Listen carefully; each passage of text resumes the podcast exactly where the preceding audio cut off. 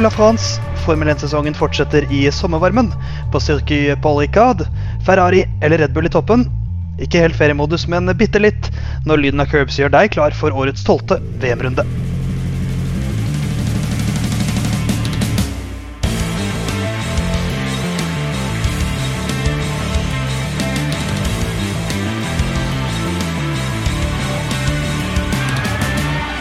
Sommerstemningen fortsetter i uh, sommer, og også i Lyden av Curbs. Det er den 21. episoden av ditt favorittprogram og din favorittpodkast om Formel 1. Akkurat nå i sommer så er det kun en podkast, men vi er nok tilbake på radioen om ikke så altfor lenge. Og det påvirker jo egentlig ikke deg som hører oss så veldig mye, i hvert fall ikke hvis du hører på podkast. Uh, Theis sitter fortsatt her hjemme i sin egen leilighet på Sagene i Oslo uh, og stirrer på skjermen foran seg, og der ser han to vakre fjes. Det vakreste av de to skal jeg ikke si hvem det er, men vi kan begynne med deg, Jon Halvdan. Du sitter hjemme. Hvordan uh, har du det i dag? Jeg har det fint. Jeg sitter fortsatt i kjelleren hos uh, svigers. Uh, det påvirker jo litt fordi vi er litt treige på publiseringsdato, så det har i sommer, og kommer sikkert til å gjøre det også, kommet ut én dag for seint. men nok om det. min plass er tross alt mindre spesiell her jeg sitter, enn der tredjemann spiller inn fra i dag. Ja, for det er jo rett og slett rystende. Vi er fornuftige mennesker, vi sitter innenfor husets fire vegger. Men du, Herman Borgstrøm sitter inne i bilens fire vegger, eh, bilens fire dører. Eh, hvorfor har du valgt å sette deg i en ikke pipende Tesla, for den står stille akkurat nå? Men du sitter i en Tesla og spiller inn eh, dette, denne podkasten.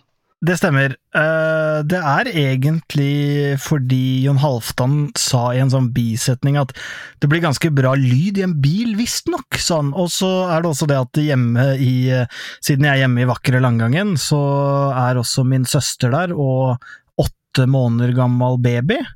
Og mine foreldre driver og styrer, og det er sånn roping og hoiing og det ja, Selv om lyden ikke er like bra nå eh, som ikke vi sitter i studio, så tenkte jeg at roping og hoiing, det får vi prøve å unngå, da. Så sitter og ser på vakre Langgangsbrua og Langgangen kirke på andre sida av eh, Langgangsfjorden. Landgangen med sin fjord, sine åser og alt annet. Men eh, vi skal ikke bare prate om, om, landgangen og bilen din, Herman. Men jeg har skjønt nå at det har blitt kjørt gokart. Eh, og hver gang jeg kjører gokart, så kaster jeg opp. Eh, I hvert fall den, den, siste gangen jeg gjorde det. Eh, jeg fikk ikke være med denne gangen. Nei, du ble jo ikke spurt engang, faktisk. Men det var jo logisk. For det var jo det jeg merka meg, at jeg hadde jo sagt nei uansett. Ja. Eh, fordi at jeg har ikke tid i juli. Men, eh, men hva har skjedd? Hvorfor ble ikke invitasjonen sendt? Nei, det var jo egentlig først og fremst eh, geografisk uh, geografiskhet. Ja, ja. Sånn at du er i Oslo, uh, Jon Halvdan nærmere Sørlandet og nærmere Porsgrunn. Og jeg er jo da i Porsgrunnsområdet, så det, da spurte jeg Jon Halvdan om vi ikke skulle kjøre. Så var vi oppe en, en gjeng og kjørte, og for min del gikk det jo aldeles strålende. Det var langt bedre enn Jon Halvdan og de fleste andre der, så hadde vel dagens nest raskeste tid totalt på Geiteryggen gokart, som jeg merka at de som kan det, sier ikke gokart, det er gokart. Så du var nest raskest, og det var dere to som kjørte, eller? Nei. Nei. Det var litt flere? Ja, Det hører jo med til historien her da, at uh, min lillebror var også med. Første gang han kjørte gokart, uh, var gokart uh, et par sekunder uh, tregere enn oss første runde. Og så satte han seg inn i gokart nummer fire, den desidert raskeste. og da var han blant de raskeste, og den fikk jo da Herman tredje runde. så man må nesten legge på to sekunder på den rundetida hans, for det må godskrives gokarten. Ja. så Eh, det er vanskelig å eh, ta Herman ned fra sin høye hest, eh, men det er en hest laget av plast denne ja. gangen. Men uh, nok prat om gokart. Uh, vi skal ta fatt på en 21. episode. Og jeg har tatt med noen relevante funfacts jeg, om tallet 21 og Formel 1. Det er samme antall seire som uh, en tidligere verdensmester som la opp i fjor. Og da vet du hvem jeg snakker om? Tidligere verdensmester som Ja. Kimi. Kimi Raikon, 21 seire. Hans første i Malaysia i 2003, og siste da i USA 2018. 2003, Det er vel rett før du ble født, Herman? Uh, ja, så du har jo faktisk vært i live gjennom nesten alle seirene til Kimi.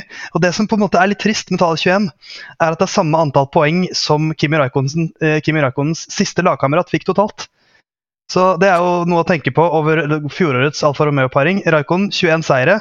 Giovinazzi, Giovinazzi 21 poeng i hele sin karriere. Så det er forskjell på folk i både gokart og Formel 1.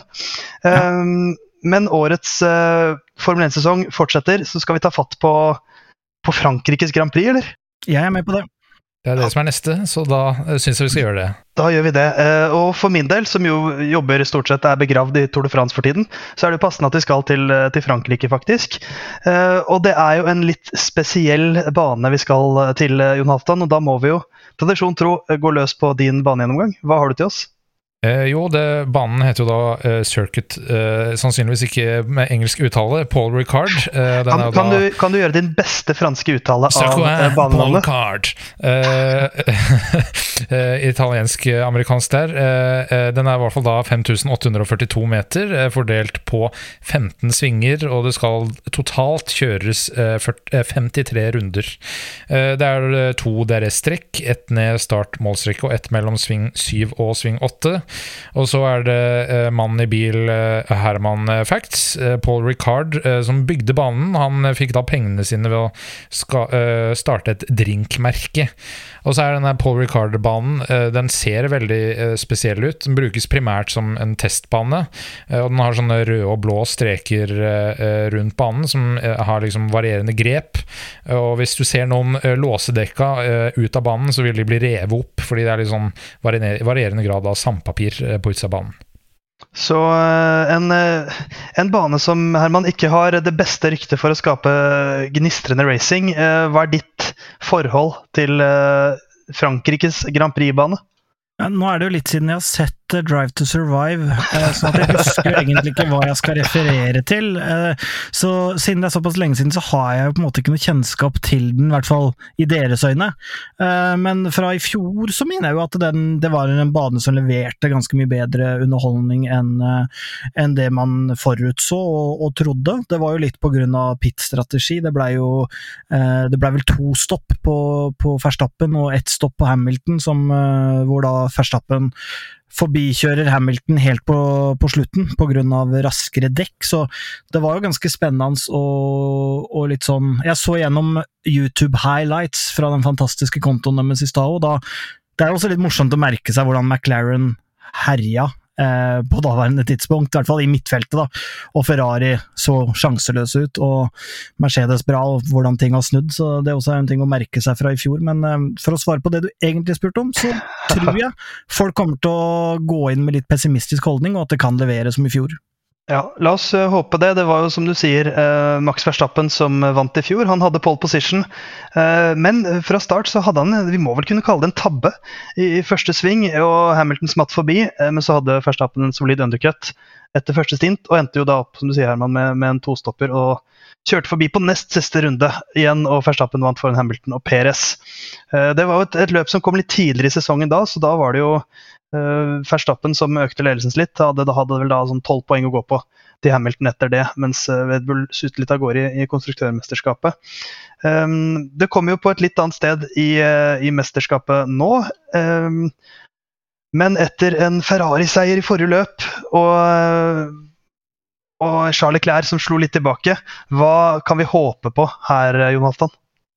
Nei, det er jo lov å håpe på eh, kanskje litt mer jevne biler. Altså, I Østerrike, det som ble utslagsgivende primært, var hvor godt eh, bilene tok vare på dekka. Jeg vet at jeg sier det omtrent eh, ukentlig, men eh, det er, eh, dekk er en vesentlig faktor i Formel 1, og vil være det også eh, nå.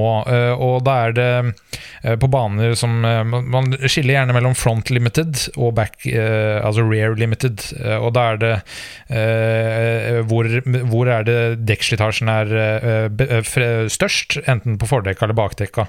Østerrike bakdekka, eh, Frankrike sannsynligvis med fordekka, og da vil det være mer Red Bull-territoriet. Så Eh, kanskje liten fordel Red Bull, eh, men Red Bull var jo tippa som favoritt i forkant av eh, løpet i Østerrike òg, så Ferrari eh, de har i hvert fall ikke noen problemer med den uh, hastigheten ned langstrekket lenger. Uh, Iallfall ikke det uh, Red Bull har ikke det store overtaket det hadde i starten av sesongen.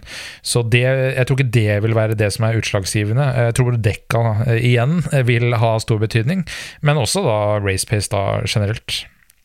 Og Hvis vi ser på, på VM-sammendragene, Herman Verstappen 208 poeng. Leclerc er nå nummer to da, med 170.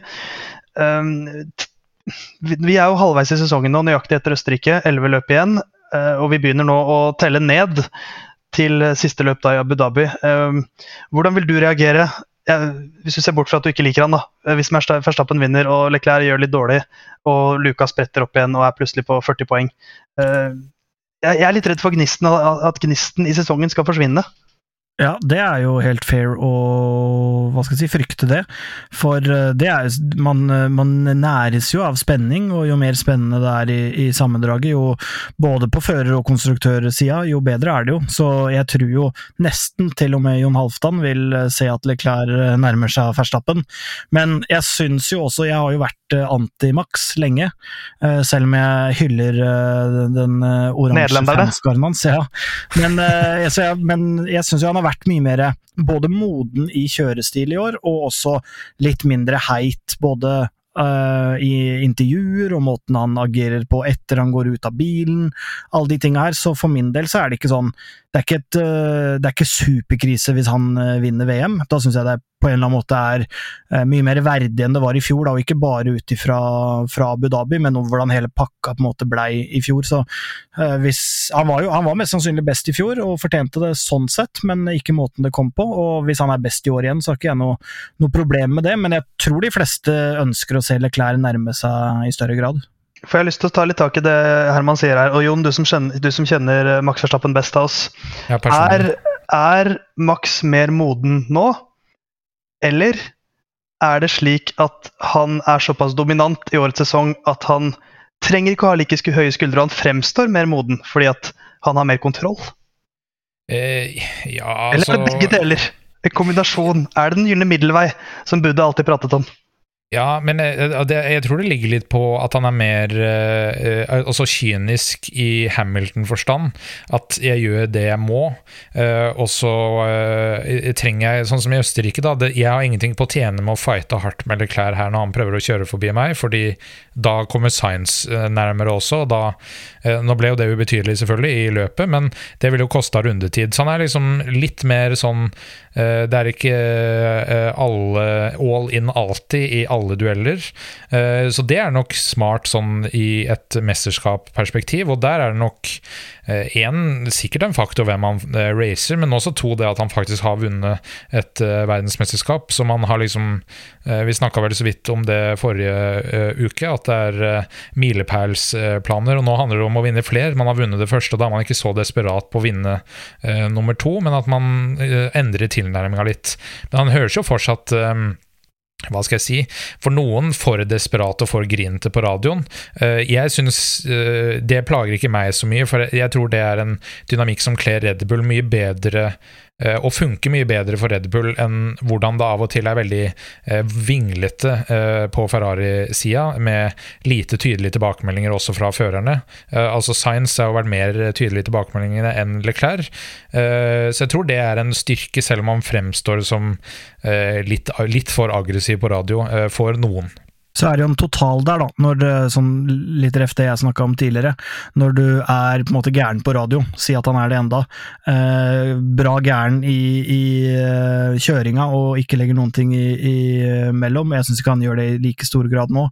Og så jobber på en måte Red Bull-apparatet på en måte, sånn som de gjorde i fjorårets sesong. Da, med å eh, ha, Det var vel Albon som eh, kjørte på Silverstone for å se hvordan den her, eh, situasjonen mellom han og Hamilton var. Og, eh, det, det, blir jo på en måte summen av hvordan laget agerer, hvordan han agerer i bilen, i intervjuer, alt det her. og Sånn sett så syns jeg han kommer bedre ut av det. og, eh, og Det også har noe med Red Bull å gjøre, og, og hvordan de også ter seg, da, selv om ikke jeg syns akkurat Horner er stilig i pressesammenheng.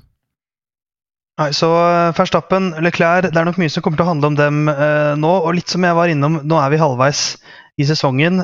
Eh, og jeg føler jo at jo lenger man kommer ut i en sesong, jo tydeligere blir på en måte rangstigen innad i lagene. Vi har prata opp og ned om styrkeforholdet mellom Verstappen og Perez og Sainz og Leclerc. Eh, Leclerc vant foran Verstappen forrige helg, mens Perez, eller forrige løp, mens Perez og, og, og Sainz endte på null poeng.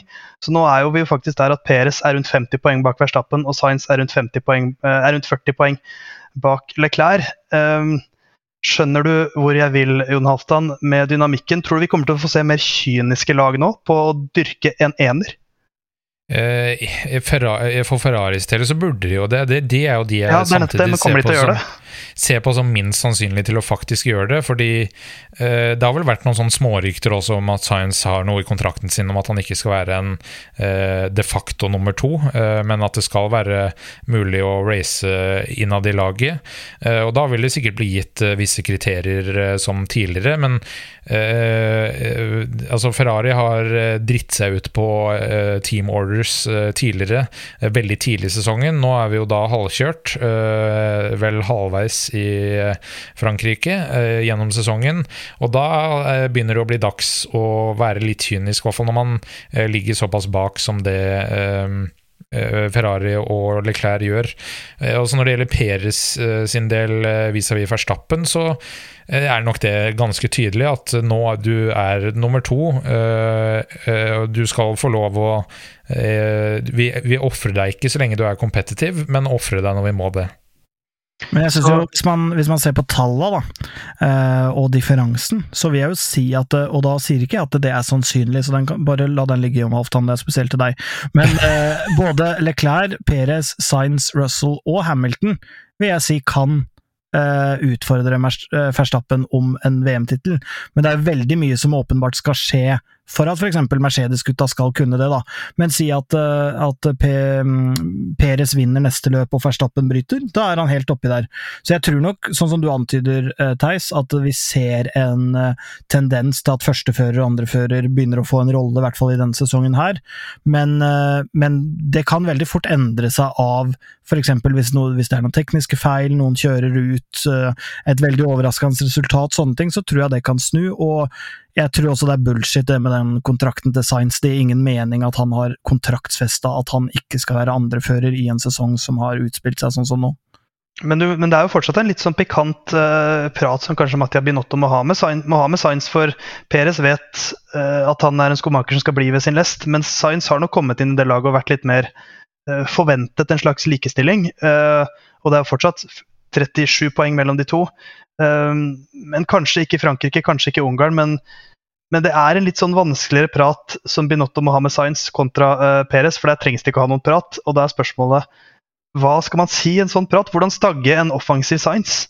Ja, nei, du er nok enig, eller du har nok rett i at uh, Du har nok enig, var jeg på vei til å si. Du har nok rett i, nok rett i at, at rollene er tydeligere fordelt, men Eh, for å sammenligne det til minneidretter, hvis du har en, eh, en spiss i fotball eller en annen i håndball som er veldig god, eh, og som på en måte bringer ting inn til laget, da, så er det jo ganske åpenbart for voksne folk at det er en person som blir prioritert. Si at du har du er spiss da i Eliteserien og skårer tre mål i sesongen, og så kommer en annen og skårer 15, liksom. Da skjønner du at han er førstevalg i, eh, i det laget. Så, men samtidig så er jo, det jeg har sagt før, og alle de Formel 1-førerne er litt idioter og litt narsissistiske og hele pakka, så det er nok en vanskelig prat, men eh, jeg syns jo det så ut som han var veldig eh, på det å respektere det her i, i, Østerrike, da, og hvordan han på en måte Det var vel på Silverstone hvor han liksom fikk rundetider, og han skulle prøve å forholde seg til det. Og, så, så, jeg tror nok det er i gang med å sette seg for denne sesongen.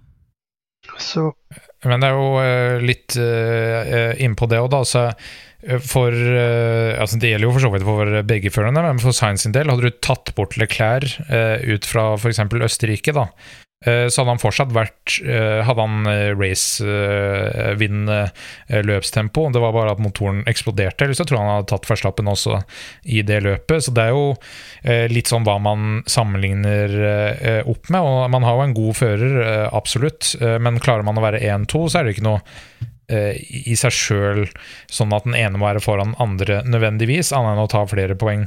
Og Nå det vel denne uka hvor Helmut Marco eh, gikk ut eh, og har fortalt litt om tida da Verstappen og Sainz var lagkamerater i det som da er Toro Rosso, nå Alfa Tauri, hvor det ble erklært ordentlig giftig, det forholdet de imellom. Også fordi de har to sterke fedre i Oss Verstappen og Carlos Sainz senior.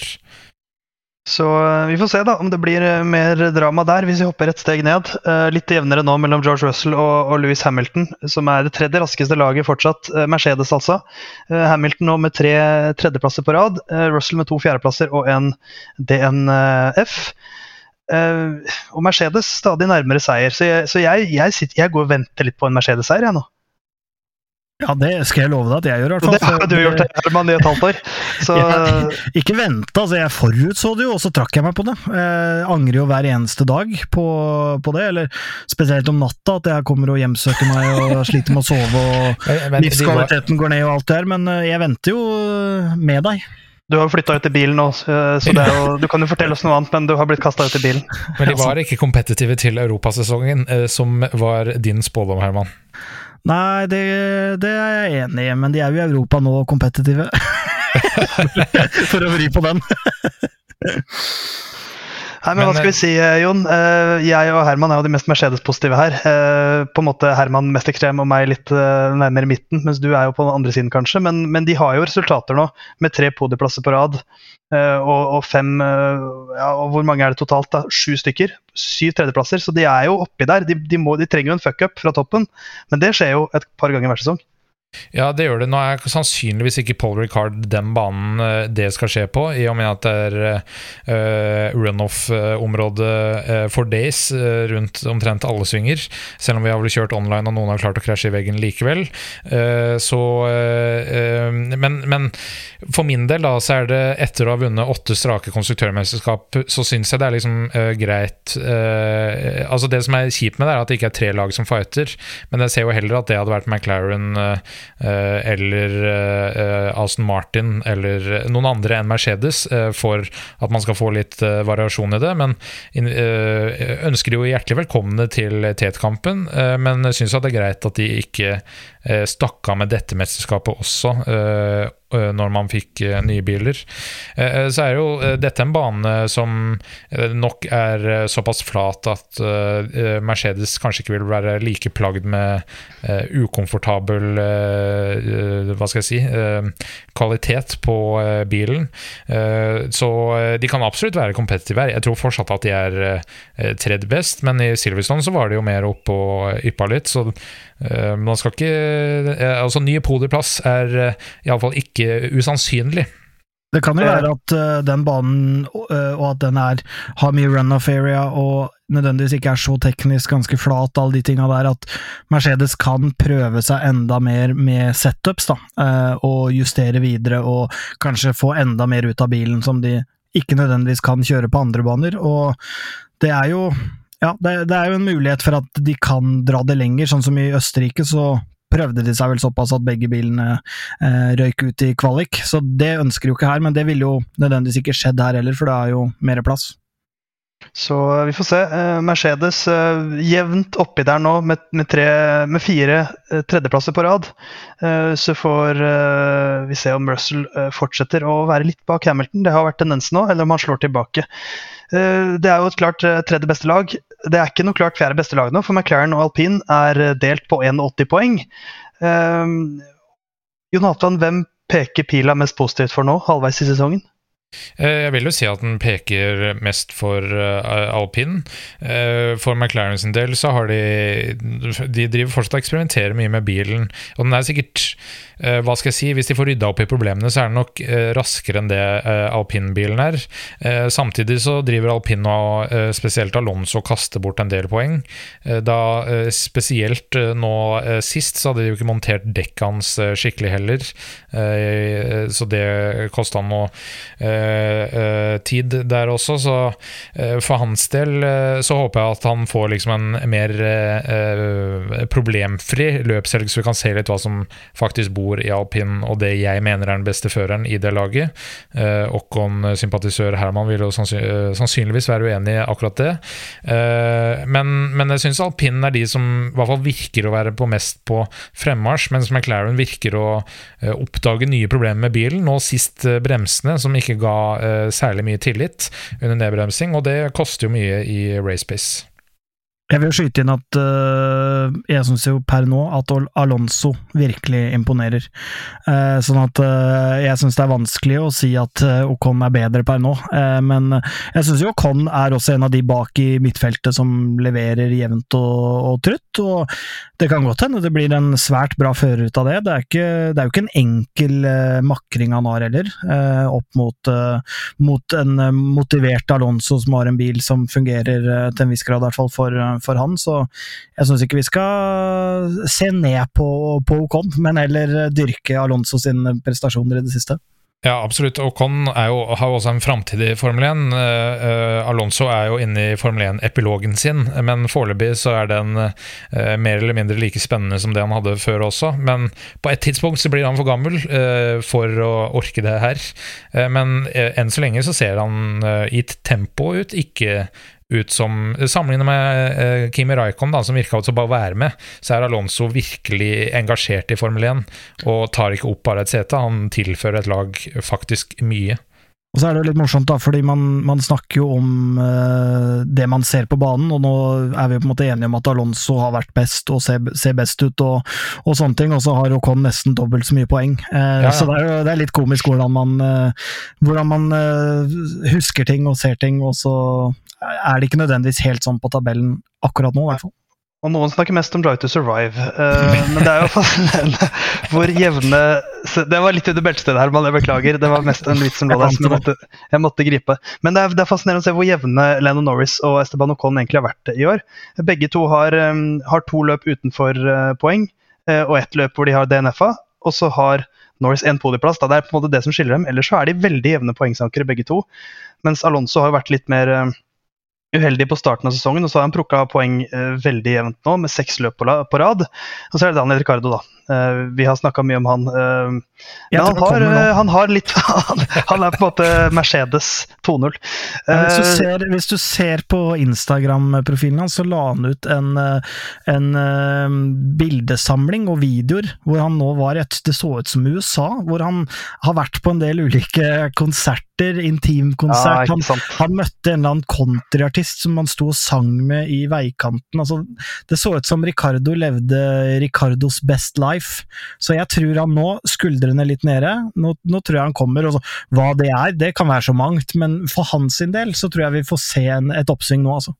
Men Det er jo en episode hver sesong, det Drive to Survive, at uh, han driver og surrer rundt i California med han der eh, PT slash uh, P-en sin. Så det er jo greit nok, det.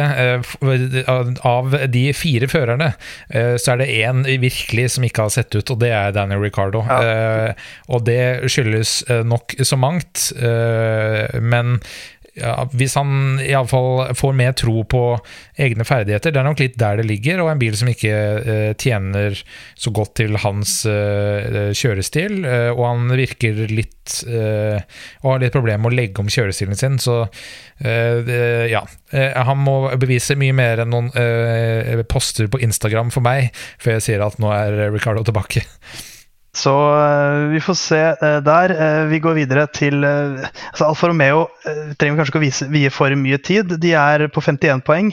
men jeg syns det er mer interessant å prate litt om, om Has på plassen bak, som har doble poeng to løp på rad.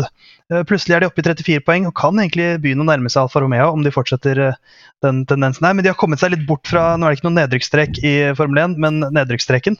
Eh, sånn figurativt sett. Og det gleder jo deg, Herman, eh, som ja. kan være en fin opptur for deg etter Ricardo-praten. Ja, og jeg har jo sagt det, jeg har sagt det hele tida, at bare gi Mick tid. eh, så kommer Og liksom Ikke vi må være for strenge med Mick og gi han tid, og at uh, han har sett ut som en bra fører og gi han et bedre sete. Og jeg har vært på den ballen hele tida, så det er moro å se at, uh, at det har snudd for han. Uh, nei, jeg har jo for så vidt ikke det, men, men det, det, er jo en av de tinga jeg ser mest fram til inn mot helga. Altså, kommer Mick til å fortsette med, det, med den oppturen? Hvordan er kampen mellom han og K-Mag. Uh, ja, det er en liten sånn talking point. Man, I en idrett som Formel 1 så er man avhengig av det, for det er ikke alltid så spennende som uh, om seierskampen. Tre poeng nå mellom Schumacher og Fettel, uh, Jon Halvdan. Beste ja. tysker, og så Nico Hulkenberg på null poeng, da, med to løp i starten av sesongen. Men beste tyskertittelen, den er for grabs. Ja, absolutt. Nå har jo eh, den eh, Aston Martin ikke helt levert det som har vært lova. Når det gjelder Has, så skulle de egentlig få oppgraderinger nå til Frankrike. Det ble da utsatt til uh, Ungarn. Så nok en gang så kjører de med det som i hovedsak er den bilen de hadde første løp. det det, det funka overraskende bra i Østerrike, så jeg tror kanskje ikke det kommer til å funke like bra nå i Frankrike, men det får vi jo da se på. Og For Aston Martin sin del så vet jeg ikke helt hva de driver på med. Uh, Herman siterte jo uh, Beyond the Grid, hvor det var intervju med Lauren Stroll, som har veldig ambisjoner for Aston Martin. Så fremstår de som et lag som ikke helt vet hva de driver på med. Jeg har jo mange ganger her kritisert oppsigelsen av Otmar Safnauer. Nå er det jo da Mike Crack, men som team principal Eh, og Foreløpig så virker det til å famle rundt eh, litt i blinde, pluss at de da har eh, et anker i Lance Stroll som fører, som vil for alltid hemme de, så lenge han er i Formel 1. Sånn er det når faren din er såpass rik. Eh, skal vi si noe om Williams, eller? De har jo vært eh, så i lende eh, de siste løpene, med beste bil da på 12., 13. og to tolvteplasser på rad nå. Så de, de har jo to løp med poeng, eh, som Alex Albon har tatt begge to. Eh, men eh, det, den, det, kommer nok en sånn Drive to Survive-episode også i neste sesong om at Williams skal bygge seg opp igjen, og hvordan de skal bygge seg opp igjen. Men jeg syns ikke vi skal glemme poeng eh, Ikke poenga. Jeg syns ikke vi skal glemme den plasseringa Latifi fikk i kvaliken, og den starten han fikk før krasjen til, til Joe. Eh, det var, det var, faktisk smått episk. Det er jo litt som eh, en kar på arbeidsuke som, som plutselig spiller en, en, hovedrolle der og får, får noe vanvittig til flyt. Det var jo morsomt å se, da. Så, um, men jeg skal, ikke, jeg skal, ikke, melde at det også er eh, starten på noe nytt for Latifi. Den holder jeg meg for god for. Nei, ja, Det er nok en karriere som er på hell, men uh, vi fikk jo aldri helt se hvordan uh, den oppgraderte Williams-bilen til Albon For det var bare han som kjørte den i Storbritannia, for det var over før sving 1. og så fikk de vel lappa sammen noe, men jeg er ikke helt sikker på hva slags spesifikasjon det var på bilen han kjørte i Østerrike. Så Eh, det ble jo sagt da, eh, at eh, de sliter såpass lite med porpoising fordi de ikke har nok downforce på den Williams-bilen.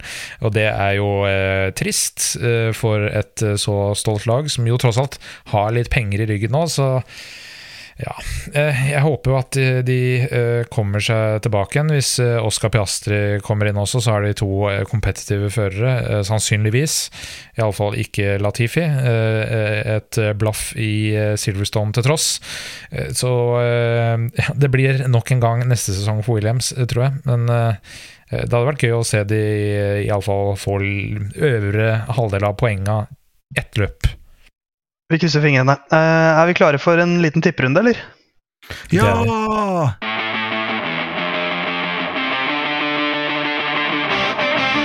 Jeg er jo litt uh, vår tippekonkurranses svar på uh, Williams. Jeg sier alltid at neste løp da kommer jeg og tar dere. Men eh, jeg ligger sist eh, med 37 poeng. Jon Halvdan har 45, Herman har 49. Og i vår tippekonkurranse så tipper vi topp tre til hvert eh, løp. Og vi har også en eh, egen runde som er Ukens sjuking, hvor vi prøver oss på én eh, hendelse som er uforutsett og rett og slett kan beskrives som ukens sjuking. Og vi begynner da eh, med den som leder, og da tror jeg vi sier sånn at du leverer topp tre, Herman, og så kan du ta ukens sjuking til slutt. Og da er det slik at ukens sjuking må bli godkjent av minst en annen i studio, eller denne gangen på internett. Men Herman, hvem er din topp tre, og hva er ukens sjuking? Ja, eh, topp tre er jo kjedelig, da, så det, det er jo bare å dundre gjennom. er det så kjedelig? Det blir kjedelig hvis de sier det er kjedelig hver gang. Nei, jeg syns det, det, det, er så spennende å se hvilken rekkefølge du velger uh, først ja, er klar. Det er det jeg tenker på, da. Uh, én Leclerc. hvilken med hjertet. To Verstappen, tre Hamilton. Uh, Oi. Uka, ukas sjuking. Ukas sjuking. Ukas sjuking, en gang til, sier jeg det? Si det to ganger til. Ukas sjuking, ukas sjuking er Og jeg prøver meg litt fram. Nå prøver jeg meg litt fram, ok? Daniel Ricardo, topp sju. Ikke sant? Jeg, yes. jeg, jeg, har pleid å klemme til, ikke sant? nå prøver jeg meg i andre enden. Det blir for tynt for meg. Daniel Ricardo du, topp Den er, hva du kaller, Jon. Ja. Daniel Ricardo topp fem. Nå snakker vi om mer, da, men hvor er, hvor er, hvor er uh, Hva skal jeg si Lando i det her? Lando? Ja, han er jo foran Lando. Ok, foran, foran Lando, Lando og topp uh, fem. Ja, Hvis ikke den er godkjent, så skjønner dere hvor jeg skal etter det? Jeg ja, skjønner hvor du skal dit, det. Så skriver jeg det i skjemaet. Skal jeg gå dit? Ja. Den ja. du topp tre. Ja, den får du. Det synes jeg, men, men det syns jeg er eneste godkjent. Altså kan, kan, jeg, slå med døra i sinne? Ja. sånn. Å, så sint. Eh, Jon Halvdan, du er da fire poeng bak uh, Herman. Du har muligheten til å ta den igjen. Eh, Få høre din topp tre og din ukens sjuking. Ja, min topp tre det er eh, Jeg velger eh, det Herman vil kalle med hjertet. Én eh, Max Verstappen, to Charles Leclerc. Og så tror jeg at Red Bull er litt bedre denne runda, så da er det Sergio Perez på tredjeplass. Ja. Så er det da ukens sjuking. Det blir ikke så godt Jeg har slitt litt med å finne ut av hva jeg skal velge der i dag, så jeg tror det må bli noe begge Williams og begge Has på poeng tror jeg det må bli. Det er godkjent med en gang. Ja, ja. Det er godkjent, ja. Uh, og så må vi ha en liten pause fordi eh, Theis skriver, så sier vi Jeg måtte bruke mitt mekaniske keyboard og bare taste inn i skjemaet først. For jeg klarer ikke å vente. Jeg, hadde jeg vært en profesjonell fyr, så hadde jeg jo da venta til etter sendinga og da skrevet inn ettertid, men jeg liker å ha ting ned med en gang.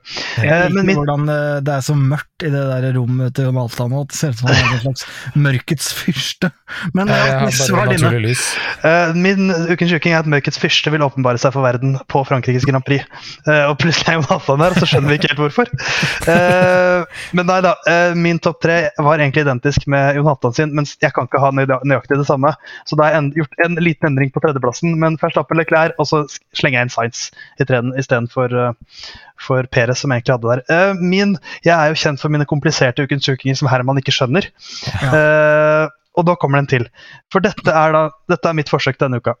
Alle tyskere slår alle franskmenn. Og hør nå.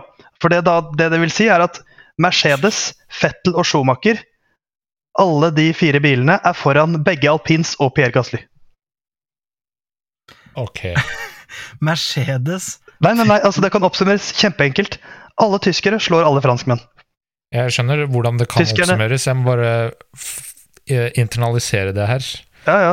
Eh, så hvis begge Forbi begge has, for eksempel? Det, det, altså det, det, sykeste her er jo på en måte at Fettel og Schumacher slår begge alpinbilene og Pierre Gasly.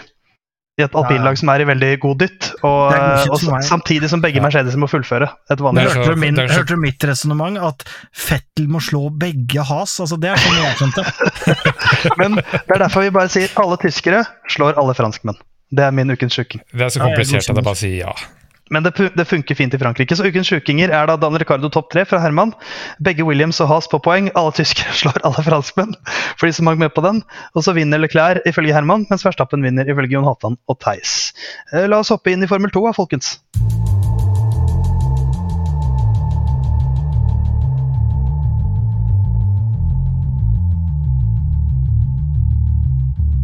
Formel 2-sesongen den uh, dundrer også videre. Der er de nærmere slutten nå enn uh, de er i Formel 1. De har eh, Frankrike, Ungarn og så Belgia, Nederland, Italia og Jazz Marina til slutt.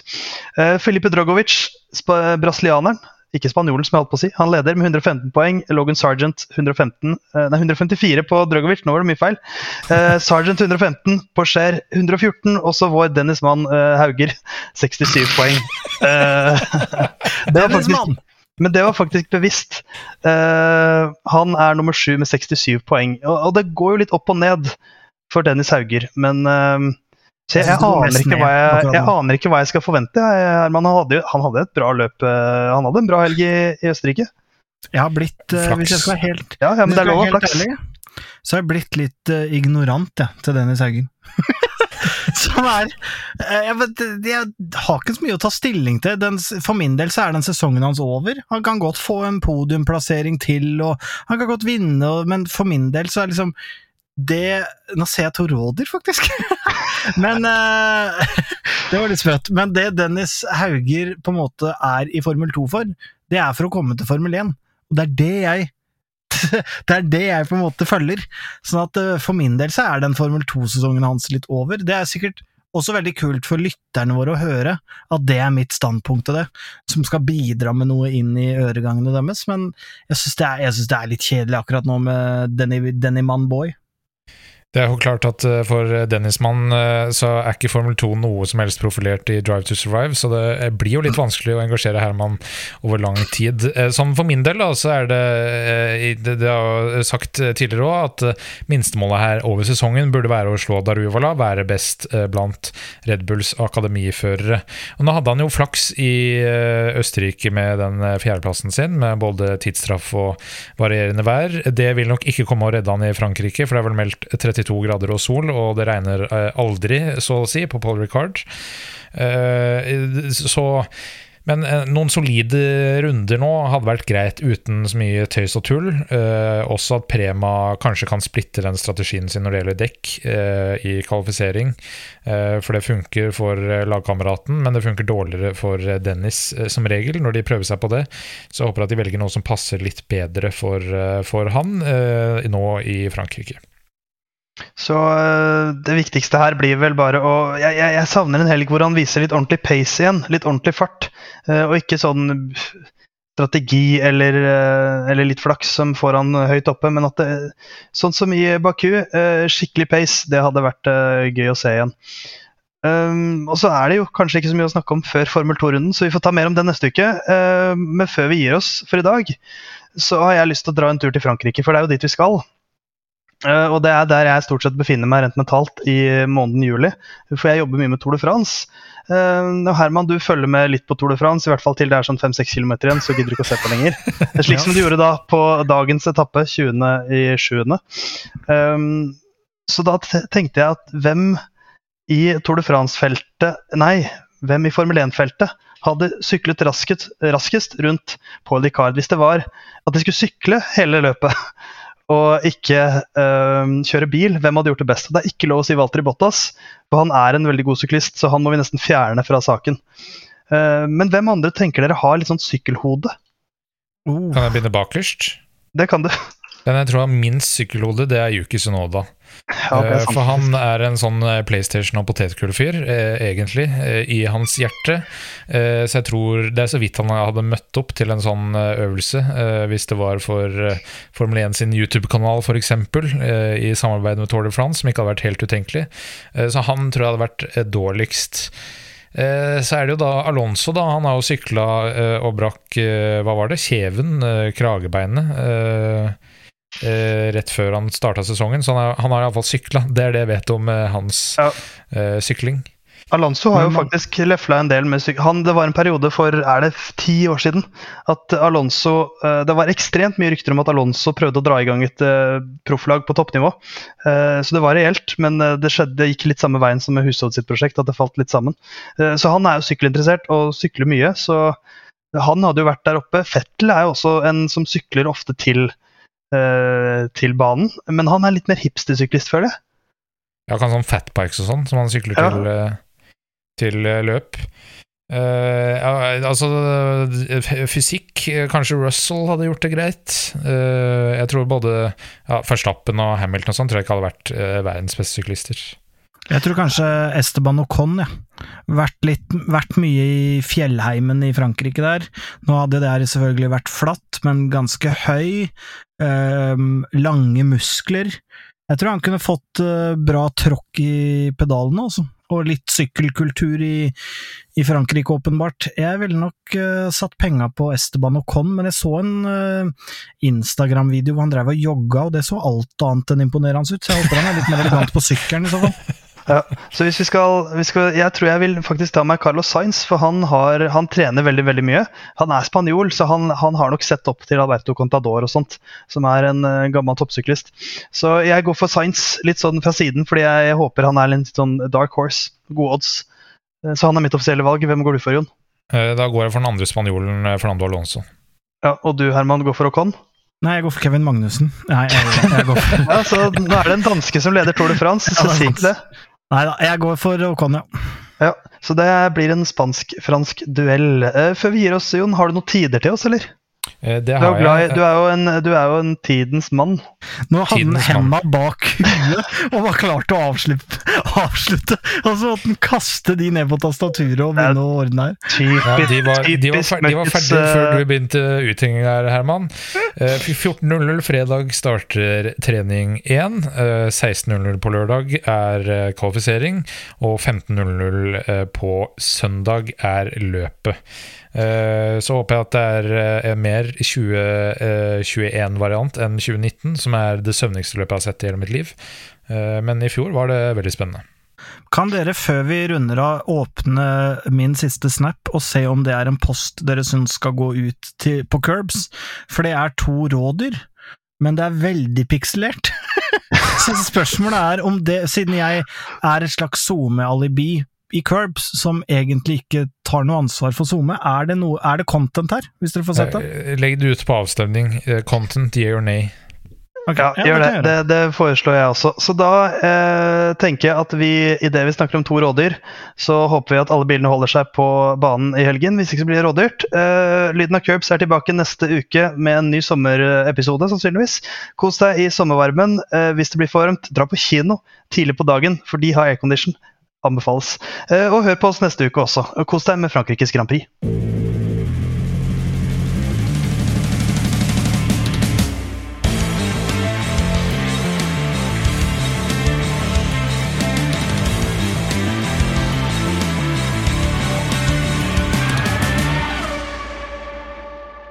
Good luck this weekend, Stroll. Thanks.